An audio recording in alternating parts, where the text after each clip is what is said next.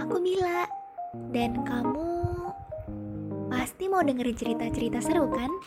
Kamu benar. Di sini tempatnya. Mila dan kamu podcast. Dari seseorang yang namanya nggak mau disebut, kali ini ceritanya tentang pernikahan lagi. So, siap-siap dengerin ya, karena ini ceritanya cukup panjang.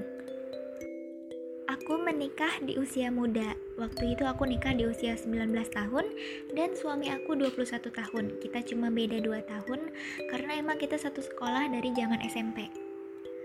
Hubungan kita berlanjut sampai SMK, kita masih tetap pacaran dan masih satu sekolahan juga.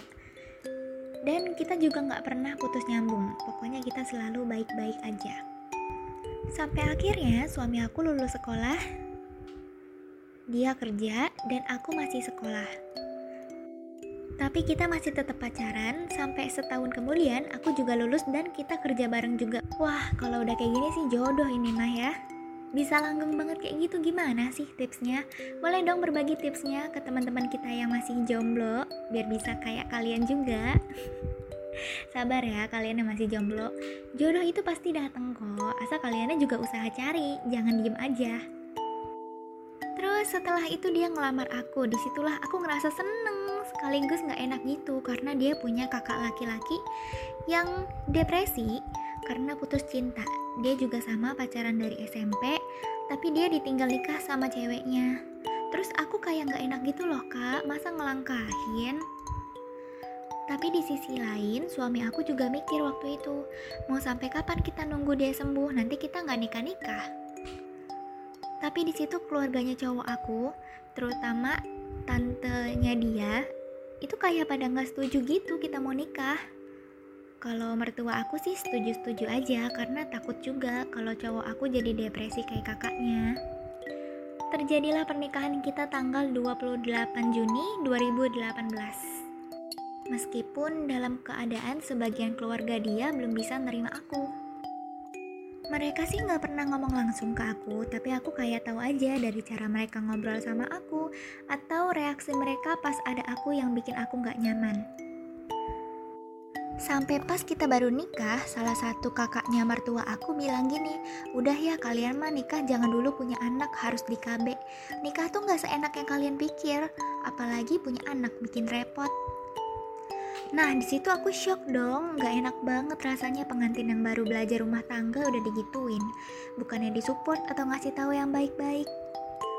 Jadinya mertua aku juga kayak ke bawah gitu. Dan nyuruh aku juga buat KB. Seakan-akan maksa, biar kita tuh jangan dulu punya anak. Tapi aku nggak ngelakuin itu, aku pikir kan hamil itu urusan Allah. Tapi mungkin mereka takut direpotin kalau aku hamil, karena kan kita masih belum dewasa. Padahal nggak sama sekali, aku dan suami mandiri nggak tinggal sama orang tua. Malah mama aku yang bikinin rumah bukan dari keluarga si cowok. Dan tiga bulan kita menikah, mertua aku malah hamil lagi di usia yang ke-42 tahun. Aku kepikiran aja di usia pernikahan aku sekarang yang mau 2 tahun aku belum hamil juga. Sedangkan saudara, teman, semuanya udah pada hamil. Aku suka sebel ditanya-tanya gitu kok belum hamil. Hah, belum lagi omongannya dari tante suami aku. Dia bilang kalau aku tuh punya anaknya nanti kalau bayi mertua aku udah gede. Aku sedih banget. Seakan-akan dari mereka tuh gak pengen kita punya anak. Belum lagi suka disalah-salahin, kita nikah di saat kakak ipar aku lagi gangguan jiwa. Waktu di hari pernikahan aku aja, mereka semua tuh gak ada yang tersenyum bahagia. Mereka malah pada nangis, katanya kasihan kakak ipar aku dilangkahin. Aku juga kasihan kok sama kakak ipar aku. Cuman harusnya mereka jangan kayak gitu dong ke aku sama suami aku. Karena kan kita juga pacaran udah dari lama, dari SMP. Masa nggak nikah-nikah? Aku beban karena ditanya kapan hamil sama saudara yang lainnya. Disangka gak subur lah. Apalah tanpa mereka tahu perasaan aku. Aku sampai suka mikir apa emang dulu pernikahan kita tuh salah. Tapi untungnya suami aku dari zaman pacaran sampai sekarang tetap baik sama aku. Cuman tante-tantenya aja yang suka bikin rumah tangga kami jadi nggak tenang.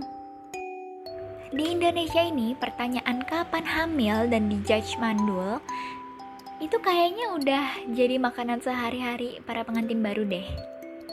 Padahal sebenarnya masalah kesuburan itu nggak cuma selalu melulu cewek yang ngalamin. Cowok juga bisa kok. Cuman ya masyarakat kita masih banyak banget orang yang wawasannya itu belum luas.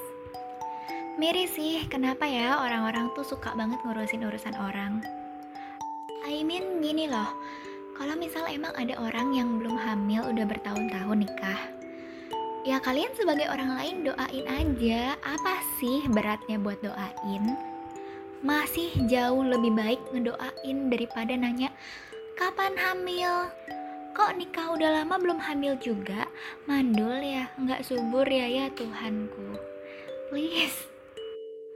Toh kalau misalnya orang itu udah hamil, ya kalian juga nggak bakalan ngurusin kan dari masih dalam kandungan sampai anaknya gede. Orang-orang itu nanya kapan hamil cuma buat kepuasan mereka aja. Cuma buat bahan gosipnya dan bahan penilaian mereka. Oh jadi tetangga kita ini subur ternyata. Tapi ya tetap abis itu hitung-hitungan eh mereka kan nikahnya bulan Juli. Tapi kok nggak lama setelah nikah udah hamil aja sih. Perutnya kelihatan gede lagi. Katanya baru satu minggu tapi kok udah segede itu? Pasti ada aja omongan kayak gitu kan? Ya namanya manusia udah tempatnya kesalahan dan suka cari-cari kesalahan juga. Pasti sedih sih diomongin sama orang apalagi soal kesuburan. Cuman seumur hidup kita tuh bakalan diomongin sama orang. Apa aja yang kita lakuin mau itu baik apalagi jahat ya itu pasti bakalan jadi omongan dan juga pasti ada aja orang yang ngurusin urusan kita. Aku nggak bakal bilang ya udah sabar aja. Nggak sih nggak bakal aku bilang kayak gitu karena well ya nggak semua orang bisa langsung sabar begitu aja. Nggak bisa semua orang langsung terima begitu aja sama apa yang udah mereka alamin. Semua butuh proses semua butuh waktu. Jadi yang terpenting adalah kita dan pasangan sama-sama saling support karena kalau udah saling support, saling ngerti, saling menguatkan, itu cobaan apa pun, omongan orang sejahat apa pun, itu pasti bisa dilaluin.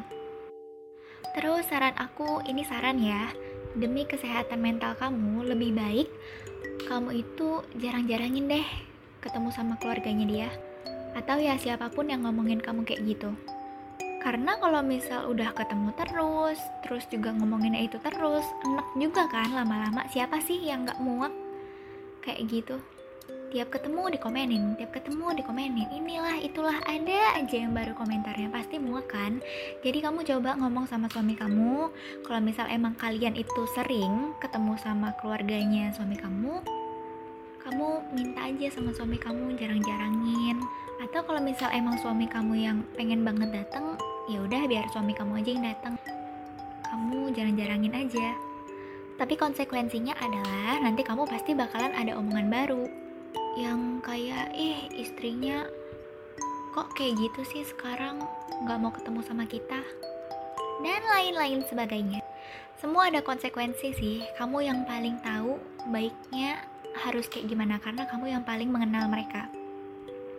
Dan juga kamu yang paling paham soal apa yang kamu rasain ya mungkin ini saran terburuk kali ya yang pernah kamu dapetin Mungkin di balik jalan takdir kamu yang belum hamil setelah nikah, itu mungkin tanda yang dikasih Tuhan kalau ini tuh belum waktu yang terbaik buat kalian dapetin anak. Mungkin kalian ekonominya belum cukup, atau mungkin kalian belum siap jadi orang tua yang baik untuk anak kalian kelak.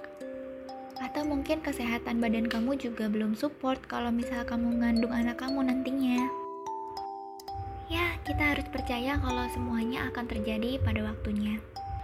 Dan yang bisa kamu lakuin sekarang, pokoknya terus berdoa dan juga terus berusaha.